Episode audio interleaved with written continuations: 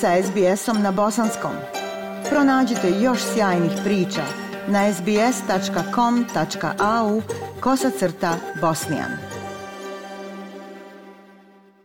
Aisha, pozdrav tebi i slušateljima SBS radija. 8. novembra u Mostaru su otvoreni prvi službeni razgovori u vezi sa formiranjem vlasti u Bosni i Hercegovini između predstavnika Hrvatske demokratske zajednice Bosne i Hercegovine i stranaka Trojke, a koji su nastupili u ime osam stranaka koje su nedavno usaglasile tekst sporazuma o parlamentarnim većinama. Sudeći prema izjavama i raspoloženju čelnika ovih stranaka, dakle predsjednika predsjednika HDZ-a Dragana Čovića, predsjednika SDP-a Nermina Nikšića, predsjednika NIPA Elmedina Konakovića i predsjednika naše stranke Edina Forte, poznata je vladajuća većina u Bosni i Hercegovini uz uvjet da Osmorka može osigurati dovoljan broj zastupnika za formiranje vlasti na svim nivoima. Nakon ovog sastanka u Mostaru, čelnici stranaka su održali i preskonferenciju. Domaćin, predsjednik HDZ-a Bosne i Hercegovine, Dragan Čović, kazao je da je ključni zadatak u naredne četiri godine imati stvarnu koaliciju koja će upražnjavati program programski osnov. Poslušajte izjavu Dragana Čovića. Analizirali tu parlamentarnu većinu na svim razinama, malo se dotakli županijske, odnosno kantonalni prostora, Federacije Bosne i Hercegovine, odnosno razine Bosne i Hercegovine, kroz onaj zastupnički građanski dio i ono što bi trebalo uslijediti kroz dom naroda da bi dobili onu legitimnost u predstavljanju jednog i drugog naroda. Naravno, iznijeli smo jedan koncept oko koga smo se čini mi se složila, to će sve kolege iznijeti, da razgovaramo primarno adekvatno o onome što jest naš ključni zadatak, a to je da ove četiri naredne godine, ako se dogovorimo o partnerstvu, da stvarno imamo jednu koaliciju koja će to partnerstvo upražnjavati tamo gdje budemo u vlasti. Programski osnov je ključ svega. Predsjednik SDP-a Nermin Nikšić je ocijenio da je na sastanku postignut visok nivo saglasnosti i napravljen značajan iskorak. Evo i riječi Nermina Nikšića.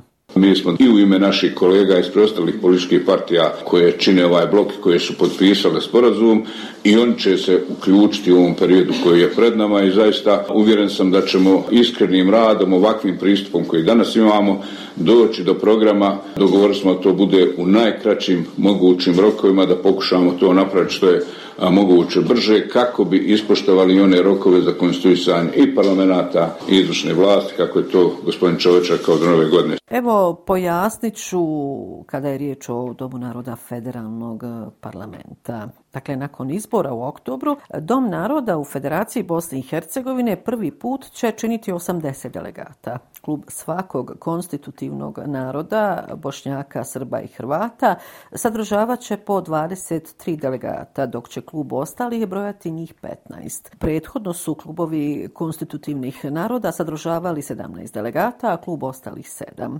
Delegati u Domu naroda federalnog parlamenta biraju se u kantonalnim skupštinama. To praktično znači da će svaka skupština u svih deset kantona imati najmanje jednog delegata u Domu naroda i svih klubova konstitutivnih naroda i pripadnika ostalih. Ranije je predsjednika i podpredsjednike federacije mogla predložiti jedna trećina, dakle šest od sedamnaest delegata. Sad će ih moći predložiti 11 delegata od 23 iz klubova Hrvata, Bošnjaka i Srba. Ako ih ne predloži 11 delegata u roku od mjesec nakon formiranja Doma naroda, može ga predložiti 7 delegata iz svakog od ta tri kluba, a nakon 50 dana 4 delegata. Prema proceduri, predsjednik Federacije Bosne i Hercegovine potom imenuje mandatara za premijera Federacije. Tako da je jasno da bi raspored mandata u Domu naroda Federacije Bosne i Hercegovine mogao biti ključ za formiranje nove vlasti u Bosni i Hercegovini. Na neki način to je već pošlo za rukom, dakle kada govorimo o tim kalkulacijama, na primjer u Tuzlanskom kantonu gdje su stranka demokratske akcije i demokratska fronta uspjeli osigurati većinu za zahvaljujući prelasku Jakuba Sulkanovića i Senada Alića iz PDA u SDA. Kada je riječ o preletačima, to nije nova pojava u Bosni i Hercegovini nakon izbora. E sad, s druge strane, u Zanječko-Dobojskom kantonu e, stranke Osmorke su uz DF uspjele formirati novu većinu. Kantonalne skupštine formiraju svoje klubove naroda i svaki od klubova bira delegate iz svog konstitutivnog naroda, a ne učestvuje u izboru delegata drugih naroda. 11. novembra novo izabrani zastupnici u Skupštini kantona Sarajevo preuzeli su dužnost potpisivanjem svečane izjave. Kantonalnu skupštinu čine sedam stranaka i to SDA, NIP, stranka za BiH,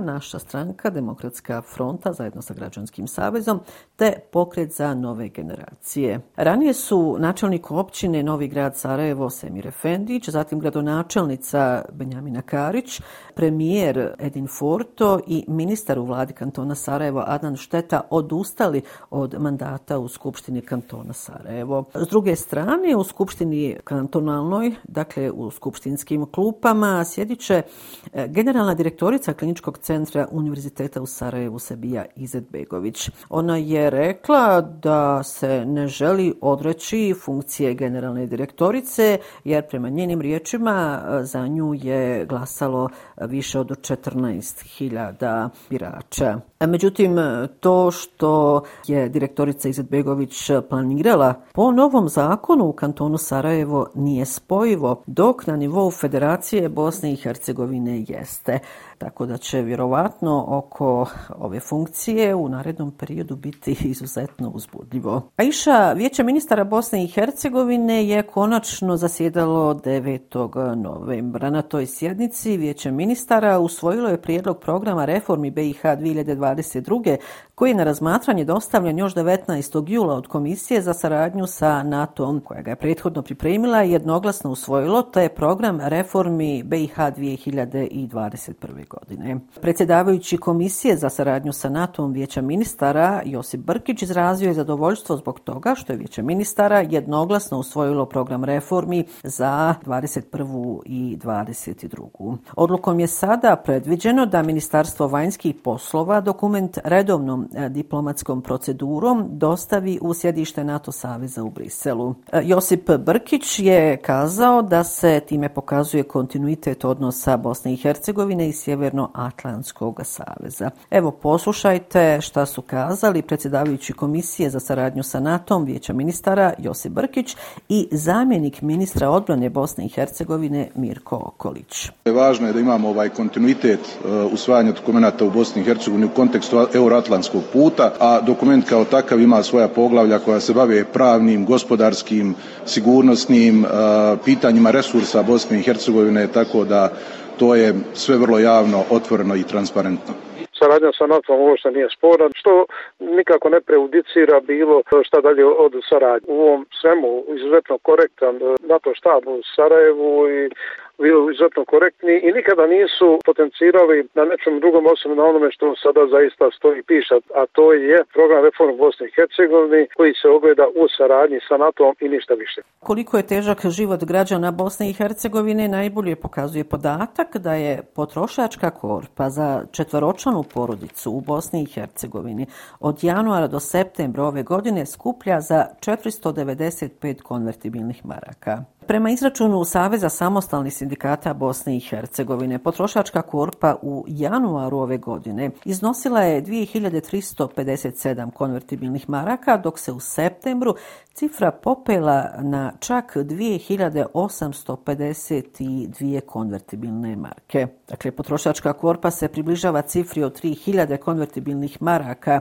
Cijene osnovnih životnih namirnica nisu limitirane, cijene benzina nisu također ograničene, a vlast sve to pravda time da tržište diktira cijene. Evo još malo statistike. Prema podacima Agencije za statistiku Bosne i Hercegovine, godišnji rast cijena u septembru ove godine iznosio je 17,3%.